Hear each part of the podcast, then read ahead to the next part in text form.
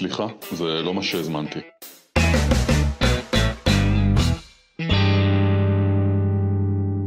אנחנו בעוד פרק של הפודקאסט, סליחה, זה לא מה שהזמנתי. אנחנו עם טל בשן, טל הוא מייסד בית ספר למנהיגות תודעתית, אני לימור רייך.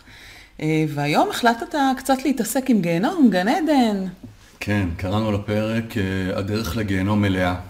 אני מכירה משפט שהדרך לגיהנום רצוף בכוונות טובות, למה מלא? אה, למה קודם כל פקוק? נראה לי שפקוק. נראה לי פקוק, יש מלא מלא אה, רוע בחוץ, מלא כעסים, מלא שליליות. והאמת שהמחשבה הראשונה שלי הייתה לעשות פודקאסט על כעס. אני מרגיש אה, שמסביב הכעס שולט בכל דבר, הופך להיות אה, זעם, שנאה, אפילו אלימות. אבל אה, אני זורע זרע לפודקאסט הבא שכנראה יעסוק בכעס, הוא גם יהיה קישור ישיר לפודקאסט הקודם שעסק ברגשות, ברגשות. שגם הרבה מאוד אנשים הגיבו עליו, יש עליו הרבה מאוד שאלות. אה, הסיבה שאני בוחר אה, אה, לעשות פודקאסט שנקרא הדרך לגיהנום מלאה, היא פרוזאית לגמרי, אני רואה סדרה. אה, במקרה הטוב היא מתאימה לגיל 16 בלחץ, היא נקראת אה, לוציפר. עכשיו כל הבני 40 פלוס יגידו, כן. מה פתאום בני 16? אני צופה בזה. בוא, אין אף אה, בן 40 פלוס שצופה בזה שמרגיש שזה מוסיף לו כבוד. זה באמת אה, שטותי, השטן מסתובב על כדור הארץ, יש לו כל מיני עוזרים, שדים, מתעסק בפענוח של אה, רציחות, והוא דווקא די חמוד, אבל יש לו מלא מלא כוונות טובות, בעיקר במערכת היחסים שלו עם השותפה שלו, עם הבלשי, דטקטיב דקר. אה, והוא כל הזמן מחרבן ומחרב את מערכת היחסים הזאת. ומפה נזכרתי במונח אה, ותיק, הוא לאו דווקא מונח של הבית ספר, אבל אנחנו עושים בו שימוש, והוא נקרא אה, עיקרון הכוונה החיובית. עיקרון הכוונה החיובית מתייחס לתת המודע כאילו הוא בעל חיים אוטונומי, כאילו יש לו אישיות עצמאית, והאישיות העצמאית הזו מתקיימת באופן אוטונומי בפנימיות האדם. כלומר, יש מצד אחד את לימור או את טל, שיש להם רצונות חופשיים.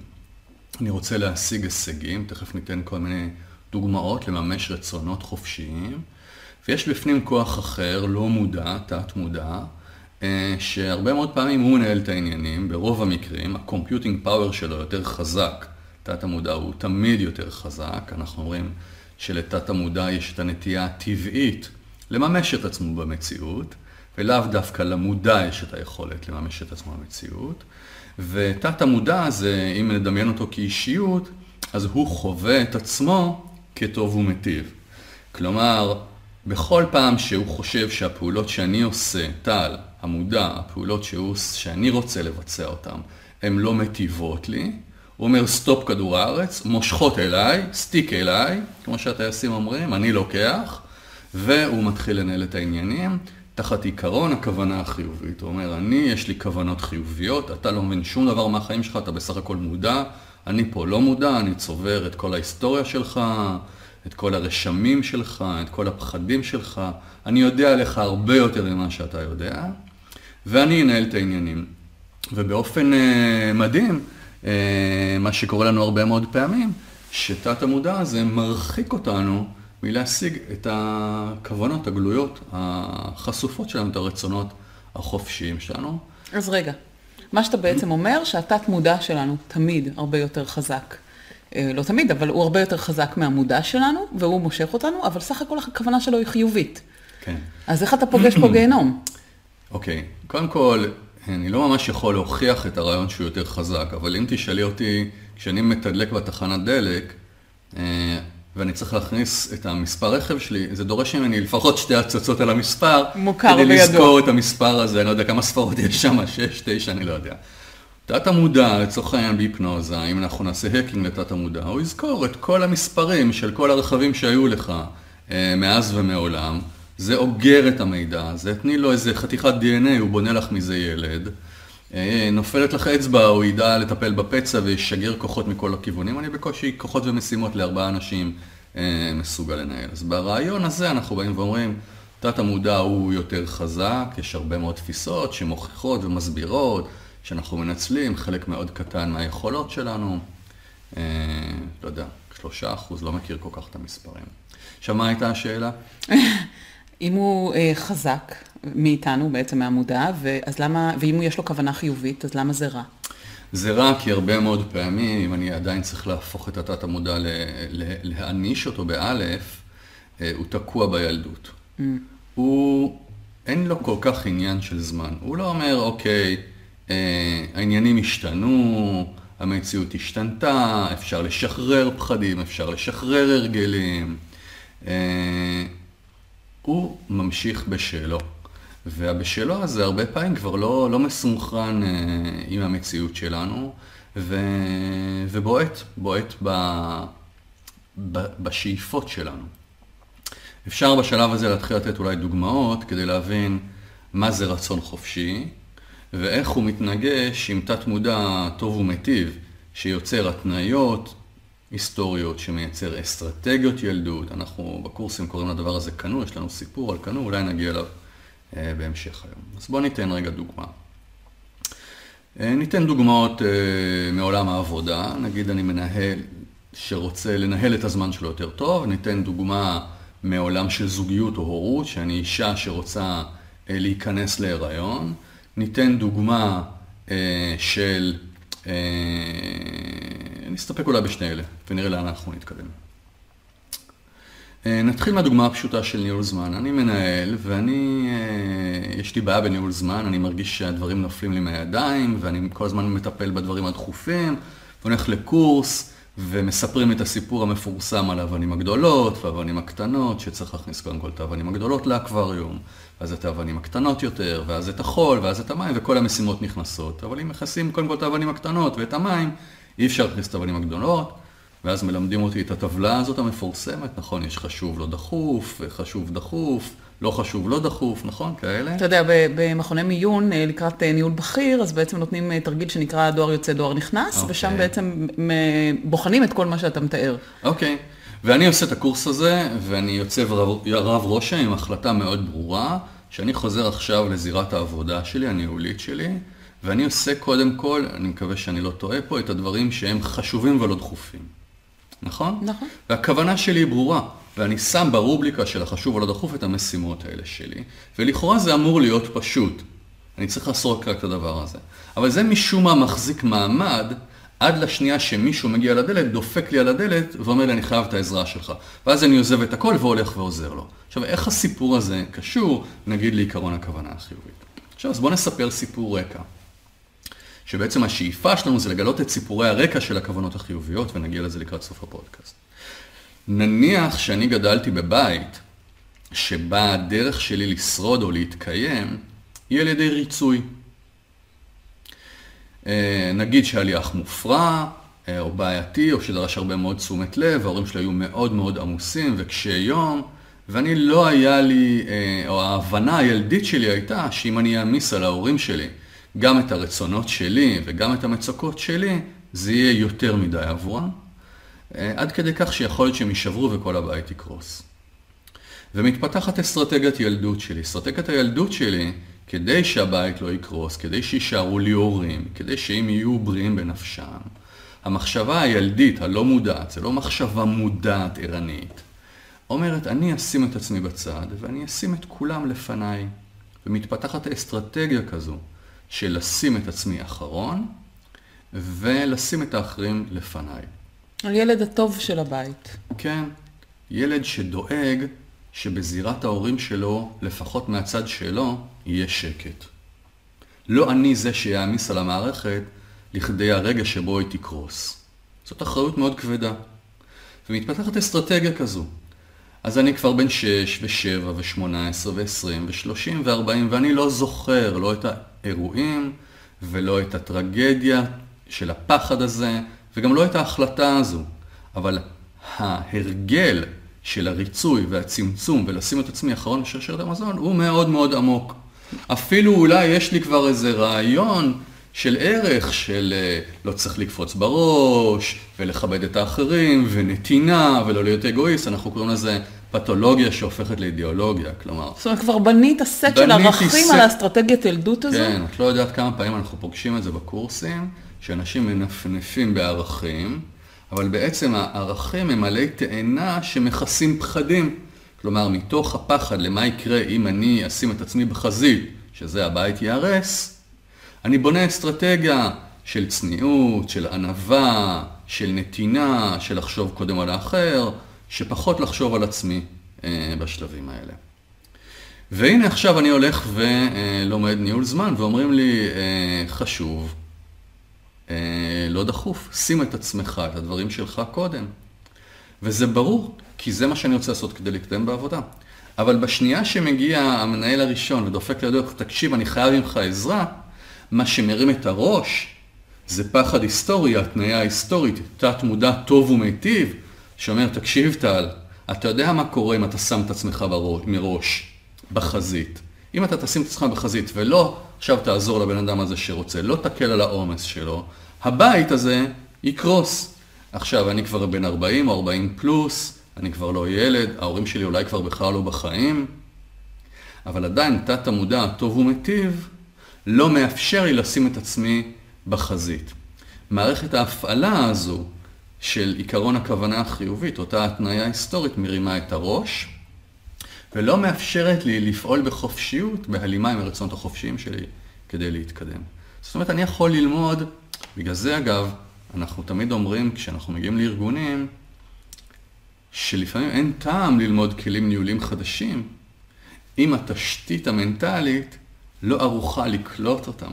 זאת אומרת, המערכת ההפעלה שלי היא אותה מערכת הפעלה. אתה בא אליי עכשיו עם איזשהו שדרוג שלא מדבר עם מערכת ההפעלה שלי, אז נהדר שאתה תלמד אותי את זה בקורס. נכון. אני לא יודע אחרי זה להשתמש בזה. אתה אומר, צריך ללכת תמיד אה, למערכת הפעלה, בדיוק כמו שדיברנו על זה באינטרו של הפודקאסט. נכון, נכון, נכון. קראנו לזה היד שאוחזת את הבלונים, אנחנו קוראים לזה אסטרטגיית ילדות, אנחנו קוראים לזה קנו, אבל אם אני מנסה לשים אפליקציה חדשה בטלפון או במחשב, במערכת ההפעלה שלי היא דוס, אז הדוס תמיד מנצח. לגמרי. לא משנה כמה. אבל פה אנחנו נותנים לזה שם, עיקרון הכוונה החיובית.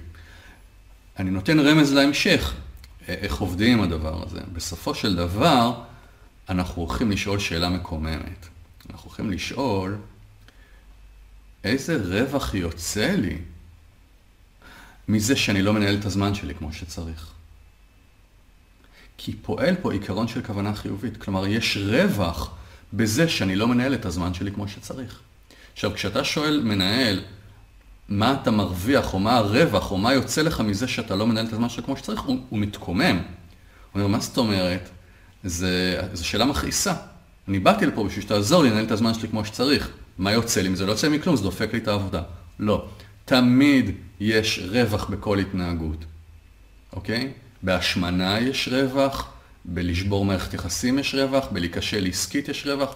זה מקומם את הבן אדם שאתה אומר לו, או שואל אותו מה הרווח. אבל תמיד יש רווח, כי אם לא היה רווח, ההתנהגות הייתה נפסקת. ובאופן כללי אפשר לבוא ולהגיד שהרווחים הם אחד משניים. זה מאוד uh, בודה כזה, כן? או uh, לקרב עונג, או להרחיק סבל. אז במקרה של הדוגמה הזו שנתנו עכשיו, uh, עם, ה, עם הניהול זמן, דוגמה מאוד קטנה, הסיפור הוא להרחיק סבל, את הפחד שמא הבית שלי אה, יקרוס. אגב, הדוגמה הזאת, אנחנו פוגשים אותה המון, המון המון ילדים, תדעו לכם, אה, אני מדבר על ילדים בני 40-50, כן? תמיד אנחנו רואים את הילד שבתוך הבן אדם, כי בסוף זה המנוע. אה, מתוך פחד אה, להורים, בתוך דאגה להורים, מתוך חשש שהם ההורים לא יהיו מסוגלים להחזיק גם את הרגשות שלהם, או גם את הצרכים שלהם. בוחרים באסטרטגיות שלא לשתף את ההורים, לא להעמיס, כדי שהמערכת לא תישבר. ביטול עצמי, כדי שהמערכות לא תישברנה. אין, אין אמון בהורה שהוא יכול... הוא יכול להחזיק את זה. אגב, זה מפתח הורים שאחר כך עסוקים מאוד בלהגן על הילדים שלהם, כי הם לא מאמינים גם שהילדים שלהם יכולים להחזיק. כאילו, זה, זה עובר עוד דור, הדבר הזה. אה, בואו ניתן עוד דוגמה שהיא קצת רדיקלית. אה, הדוגמה הרדיקלית עוסקת בהשמנה. שוב, אה, לרזות לכאורה פעולה מאוד פשוטה. אה, ברצון החופשי שאני רוצה לרזות, ההתנהגות שמובילה להרזייה היא פשוטה. צריך בסוף לאכול קצת פחות ולהוציא קצת יותר.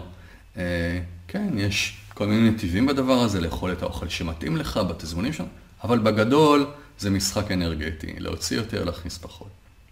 והנה יש לנו דוגמה לבן אדם, במקרה הזו אישה, שהיא אכן מצליחה להוריד במשקל. היא מורידה במשקל, מורידה במשקל, מורידה במשקל. מאוד מאוד מרוצה מהתוצאה שהגיעה, כי היא מימשה את הרצון החופשי שלה, ופתאום היא חוזרת להשמין. אוכלת, אוכלת, אוכלת, אוכלת, משמינה. השאלה המקוממת תהיה, מה הרווח בזה שאת משמינה? מיד אתה כמטפל או כמישהו שמנחה קבוצה מקבל סתירה, נכון? כי, כי זו שאלה מרגיזה. שאלה מרגיזה, וגם רוב האנשים יגידו, אז אין לה כוח רצון, כאלה דברים. זאת אומרת, להפיל את זה על זה, לא על משהו הרבה יותר עמוק ממה שאתה רומז לו כרגע. מצד שני, אם מישהו מצליח להוריד 20-30 קילו בדיאטה אה, של, אה, של תזונה, יש לו חבל כנראה יש לו הזמן כוח אה, רצון. כוח רצון. ואם הגיע הרגע שבו למרות שהוא השיג את ההישג, הוא חוזר להשמין, אז זה אומר שיש כוחות עמוקים שפועלים עליו. עכשיו, אם, ואמרנו שלתת המודע יש את הנטייה הטבעית לבטא את עצמו במציאות, כלומר, הוא בסוף, האמונות הפנימיות האלה של תת המודע, הן מנצחות את המודע, הן מנצחות את הרצון החופשי. הוא זוכר 80 אה, אה, מספרים אחרי הנקודה של הפאי, ואני בקושי זוכר את המספר של הרכב בתדלוק. הוא יותר חזק. אז אנחנו מנסים להבין מהו עיקרון הכוונה החיובית, כי אמרנו, תת המודע חווה את עצמו, שימי לב, אני אומר חווה את עצמו, כי הוא כאילו אוטונומיה. הוא אומר, הוא, הוא, הוא מייצר את הנפרדות, הוא אומר, טל, אתה לא מבין שום דבר. מושכות אליי. אז נגיד בדוגמה הזאתי, אנחנו יכולים לגלות סיפור שבה בצעירותה, כשהייתה מאוד מאוד אטרקטיבית, היא הותקפה מינית. כמובן אירוע מאוד מאוד טראומטי, כמובן רגש אה, נוראי, חוויה נוראית, ותת המודע, זוכרים שאמרנו בעבר, אומר, אוקיי, פעם מצדה נפלה, שנית מצדה לא תיפול, what should I do? אם המסקנה של תת המודע הייתה, אני הותקף כי אני הייתי אטרקטיבית, יכול להיות שאסטרטגיית ילדות אחת תהיה, אני לא אהיה אטרקטיבית. ויכול להיות שהשמנה הוא מנגנון הגנה אינטליגנטי מאוד מבחינת תת המודע, כדי לא להיות אטרקטיבית, ולכן למנוע את מצדה, את האסון שמגיע. עכשיו, מה שקורה זה שהגברת הזו עושה מאמצים אדירים כדי לרזות, כי זה חשוב, כי זה מעניין אותה, כי היא רוצה להיות אטרקטיבית, אבל יש נקודה מסוימת שבה מבחינת תת המודע היא הופכת להיות אטרקטיבית, הוא אומר לה, סטופ, מתוקה שלי. מושכות אליי. מושכות אליי, סטיק אליי, שליטה אליי, אין לך מושג מה את עושה. אני כרגע בעל עיקרון הכוונה החיובית, ואני דואג שנשמין חזרה, כי זה מאוד מאוד מסוכן עבורנו. כלומר, הוא ממשיך להתנהג כאילו מה שהיה הוא שיהיה. הוא לא מייצר את ההפרדה.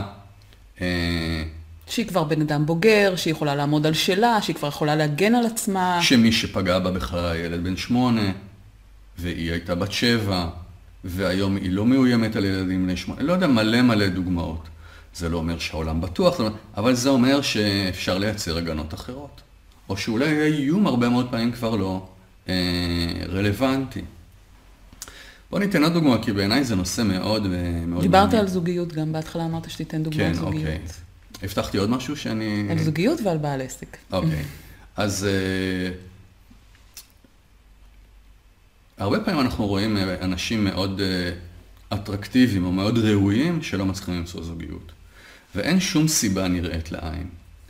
זה בווד... כמעט תמיד אומר שפועל פה עקרון הכוונה החיובית, שיש איזשהו ערך לזה שאני לא מוצא זוגיות. והערך הרבה מאוד פעמים עסוק בלמנוע פחד מאוד גדול, כי זו תכליתה של התודעה הריאקטיבית. אם זה לא ברור, תודעה ריאקטיבית ותת מודע טוב ומיטיב הם היינו הך. זאת אומרת, זה, זה אותה מערכת שאומרת, אני אנהל את העניינים כדי שבעתיד ההיסטוריה לא תשכפל את עצמה, שהמצדה ההיסטורית לא תקרה שוב בעתיד. עכשיו תראה, זה דווקא מקרה שממש היה לנו לא מזמן, באחת הסדנאות. ושוב באה השאלה המקוממת, מה הרווח בזה שאת לא משיגה זוגיות? איזה רווח יכול להיות בזה שאני לא משיגה זוגיות? למה את רוצה זוגיות? מה זאת אומרת? אני רוצה להקים משפחה, אני רוצה אה, ילדים. מה הרווח בזה שלא יהיו לך ילדים? איזה רווח יכול להיות לי בזה שלא יהיו ילדים? אנחנו צריכים רגע לשאול, בעצם בעבודה הפנימית, מהו הפחד הגדול מזה שיהיו ילדים.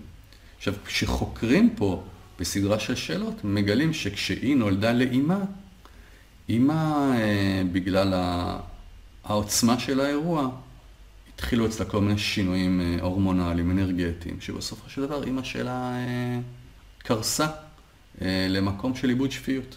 כלומר, אימא שלה חלתה במחלת נפש שהתפרצה, או הטריגר, זה לא התחום שלי, אז אני רוצה להיזהר פה, הטריגר למחלת הנפש הייתה הלידה של הבת. אז בעצם התת מודע שלה עשה קישור בין הריון לבין איבוד שפיות. בין לידה. בין לידה. ואפילו יש אה, רעיון שמקבל חיזוק, שאומר, אוקיי, הדברים האלה יש להם גם סממן גנטי. אה, אולי זה אומר שאני בקבוצת סיכון. אז למה אני צריכה בכלל להיכנס לכל הסכנה הזו? עכשיו, אם תשאלי אותה מה היא הכי רוצה, זה ילד ומשפחה, היא מוכנה להרוג בשביל הדבר הזה. אבל הכוח העמוק יותר שלה בא ואומר, הדבר הזה גם יכול להמית אותך, להפיל אותך, להטריף אותך. ולכן, כל מערכת זוגית שיש לה פוטנציאל גבוה להצליח, תת המודע ימצא את הדרך לחרב אותה. לוקח את המושכות אליו, כן. זוגיות תוביל למשפחה. או שהיא תמצא מערכות, בוא, בוא נראה כמה מערכות האלה מתוחכמות. או שהיא תמצא גברים שלא מתאימים או ראויים לנישואים. במרכאות ומרכאות ומרכאות. אולי דפוסים, אולי לא פנויים רגשית, אולי בקשר. אני אישית מכיר תהליך שליוויתי, שבה החוויה הזו גרמה לפגיעה פיזית אה, בגוף של האישה שלא אפשר לה אה, ללדת. דלקות. זאת אומרת, עד לשם העיקרון הטוב ומיטיב אה, יכול להגיע. ממש לפגיעה לא, לא בא לי להיכנס פה למונחים פיזיולוגיים, לפגיעה במערכת. זאת אומרת, ה... ואז גם אם הייתה מוצאת גבר כזה, והייתה מנסה להיכנס להיריון, לא הייתה מצליחה בגלל עיקרון הכוונה החיובית. חיובית. הסיפור פה שזה באמת קצת חמקמק, כי לשאול את עצמך מה הרווח בזה שאני לא מצליחה להיכנס להיריון, זו שאלה שמטריפה את הדעת. לשאול את עצמי מה הרווח בזה שאני לא מצליח לנהל את הזמן שלי כמו שצריך, זו שאלה שמטריפה את הדעת.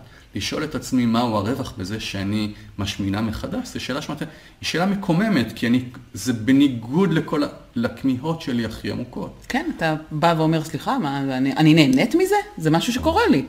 אין לי רווח פה. אז קודם כל זה השיעור של היום, לשאול מה הרווח. צריך לראות שהרווח הוא במרכאות. רצינו לתת עוד דוגמה על בעל עסק. אה, יש לנו נגיד בעל עסק שהוא מאוד מאוד מוכשר ברעיונות הגדולים, בהובלה של התהליכים, אבל הוא מוצא את עצמו מאוד מאוד גרוע אה, בדיטיילס. הוא לא קורא את החוזים עד הסוף, אה, הוא לא שם לב לפרטים הקטנים, הוא מאוד מאוד רוצה לשים לפרטים הקטנים, כי הוא, כי הוא מבין שזה חשוב. החפיפה היא לא פיקס, תמיד נשאר איזה משהו לוס.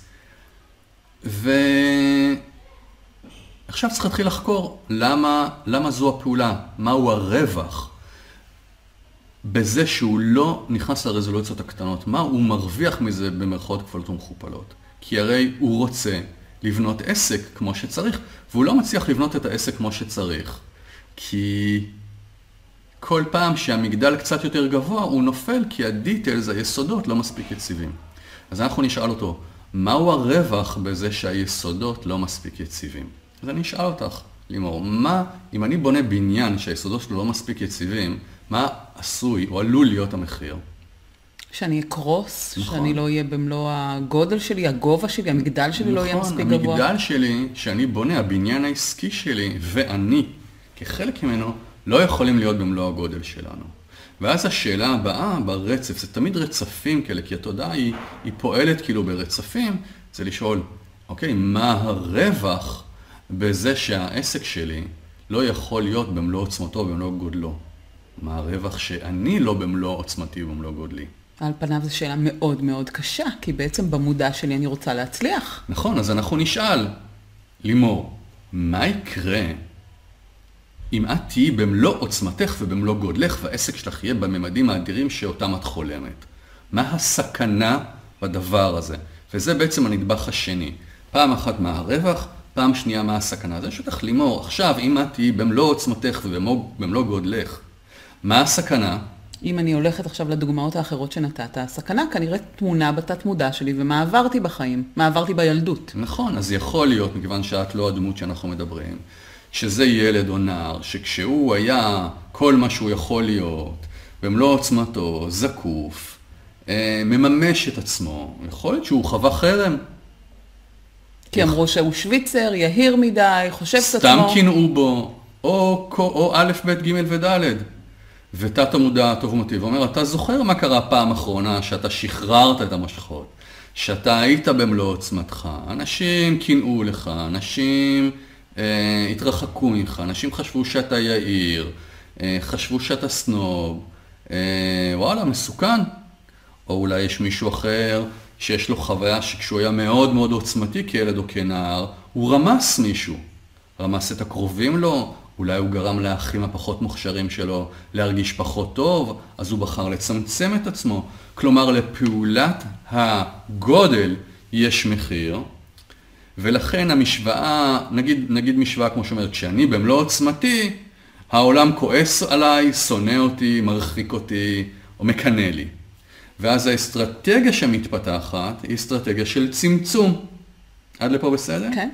וכלי הצמצום המתוחכם של תת המודע יכול להיות, אני אדאג שהבניינים שאני בונה לא יוכלו להחזיק מעמד בגובה, כי היסודות שלהם ראויים.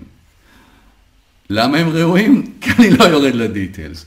עד כדי כך מתוחכמות המערכות האלה. תת מודע שלנו אה, מתעתע. מתעתע. מדהים אבל שבעצם בסדנאות אתם אה, עולים על זה. עושים את הכישורים האלה. כי הנחת העבודה, ודיברנו על זה הרבה מאוד פעמים, שכל הבלונים מחוברים לאותה יד אוחזת, שיש איזושהי אה, מערכת הפעלה ש... שמנהלת את כל האירועים האלה. זאת אומרת, הבן אדם הזה שהוא לא במלוא עוצמתו אה, הארגונית, גם לא יהיה במלוא עוצמתו בזוגיות, הוא יהיה רגיש לאנשים שמצמצמים את עצמם, הוא יהיה רגיש לאנשים שמראים את מלוא גודלם, אנחנו נראה שכל הדברים האלה, ואלה החלונות דרכם אנחנו בעבודה נכנסים פנימה, מחוברים באותה יד אוחזת. זאת אומרת, אני רוצה לבוא ולהגיד שכשאנחנו, בעצם יש לנו שאיפה בפודקאסטים, בסוף כל פודקאסט כזה, לתת איזה משהו שהוא קרוב לכלי, שבן אדם יכול לממש אותו בעצמו. אז פה אני בא ואומר ככה, אם יש לי רצון חופשי לרזות, שהעסק יגדל, למצוא זוגיות, לנהל טוב יותר את הזמן שלי, ואני לכאורה עושה את הפעולות הנדרשות כדי לממש את הדבר הזה, את אותו רצון חופשי, את אותה תשוקה שלי, וזה לא מצליח, זה אומר שיש חלק עמוק יותר בפנימיות שלי, תת מודע, שחווה את עצמו כטוב ומיטיב, תת מודע בעל עיקרון הכוונה החיובית, שהוא עושה את הפעולות האלה כדי למנוע ממני איזשהו מחיר שאני צריך לשלם. ואנחנו צריכים לשאול שתי שאלות. אחת, מהו הרווח שאני עשוי להשיג, או מה הרווח שלי בזה שאני לא משיג את המטרה שלי, רווח במרכאות. כשאמרנו שרווח מוגדר או על ידי קירוב אה, עונג או על ידי הרחקת סבל. מעולה. ופעם שנייה, אם אני מתקשה במהלך הזה, דווקא ללכת עם ההצלחה, להגיד, אוקיי, ואם אני אצליח לרזות, ואני, אז אני אראה אטרקטיבית, ואם אני אראה אטרקטיבית, מה תהיינה המשמעויות, ואז אני מגיע לפחד הזה. אם אני יורד לדיטיילס, אה, אז אני בונה בניין. אם אני בונה בניין, אני במלוא עוצמתי. אם אני במלוא עוצמתי, מה המחיר של הדבר הזה? אז הרווח הוא שאני מונע את המחיר הזה, מונע את הקנס הזה. אם אני אה, נאמן לעצמי ועושה קודם כל את מה שחשוב לי, זה אומר שיכול להיות שהקולגות שלי יחשבו שאני אגואיסט, יכול להיות שאני חושב על עצמי ואני אחווה דחייה. זו לא דוגמה שנתנו מקודם, אבל הדוגמה הזאת גם מדויקת. או שהבית יקרוס, כמו שנתנו מקודם. אז זה הרווח שלי, אני מונע דחייה, אוקיי? אז אלה שני כלים שאנחנו שואלים, מהו הרווח ומהי הסכנה שאני מנסה אה, למנוע. למנוע. פה זמן טוב לסק... לקנח בעיניי את הפודקאסט ולספר סיפור שסיפר לנו אחד המשתתפים באחד הקורסים, אה, שמסבירים קצת את הרעיון הזה. אה, אז יש לנו אה, כמה אפריקנרים שיושבים ככה בסהרה, והם יושבים ועושים תה בדיונות, ויש להם סבלנות, יושבים ישיבה בדואית כזאת, תה זה עניין של שעתיים שלוש, כי אין באמת לאן למהר, ופתאום ברקע על אחת הדיונות של ה-500 מטר, הם רואים כמה חבר'ה שמנסים לסחוב קנו על הכתפיים, אה, בחום, 50 מעלות, עולים על הדיונה למעלה למעלה, מחליקים למטה. עולים, כל פעם שהם מחליקים זה 500 מטר. עכשיו, החבר'ה האפריקנרים עמומים מהאירוע הזה, הם אומרים, אה, מה קורה פה? גומרים את התה, והם רצים בריצה מזרח אפריקאית קלה אל החבר'ה עם הקנו, ואומרים להם, תגידו, מה אתם עושים פה עם קנו? פה זה סערה, 300 שנה לא ירדה פה טיפה אחת של מים. החבר'ה עם הקנו אומרים, תראו, במקום שממנו אנחנו באנו, far far away, כל שנה יש שיטפונות נוראים. שנה האחרונה היה כזה שיטפון, כל הכפר שלנו טבע. אה, חוץ מארבעתנו. אנחנו לא טבענו אה, בזכות הקנו הזה. אנחנו את הקנו הזה לא עוזבים. עכשיו, מהי המטאפורה? המטאפורה שלכל אחד מאיתנו בילדות יש איזשהו שיטפון, איזושהי דרמה, אנחנו קראנו לזה מצדה. בדוגמה של ההשמנה זה האירוע המיני. בדוגמה של הזוגיות וההיריון, זה העובדה שאימא שלי אה, אה, חלתה מחלת נפש בגיל מסוים. יש איזושהי מצדה. ואנחנו מפתחים איזושהי אסטרטגיה שאומרת, שנית מצדה לא טיפול. לאסטרטגיה הזו אנחנו קוראים קנו. קנו אחד אומר אני אשמין, קנו שני אומר אני לא אהיה במלוא עוצמתי, קנו שלישי אומר ילד לא יהיה לי, אוקיי?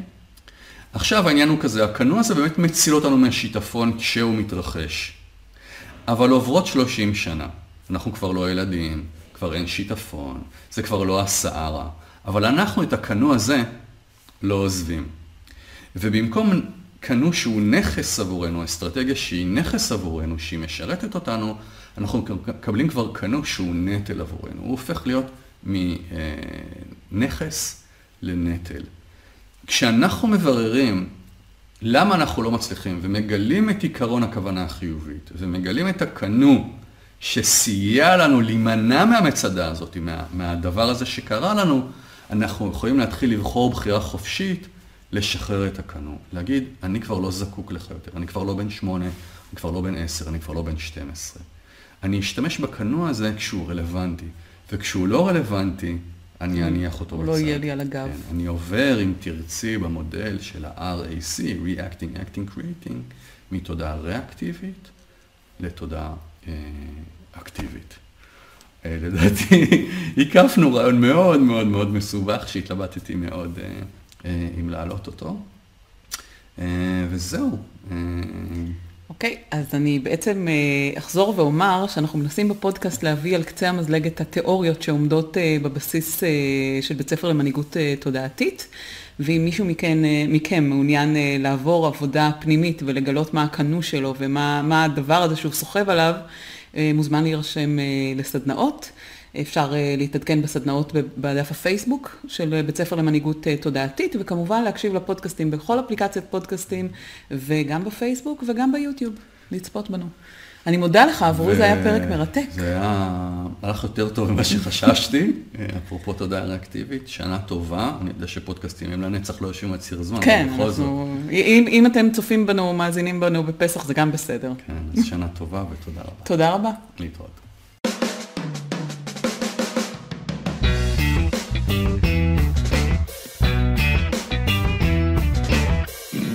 סליחה, זה לא מה שהזמנתי.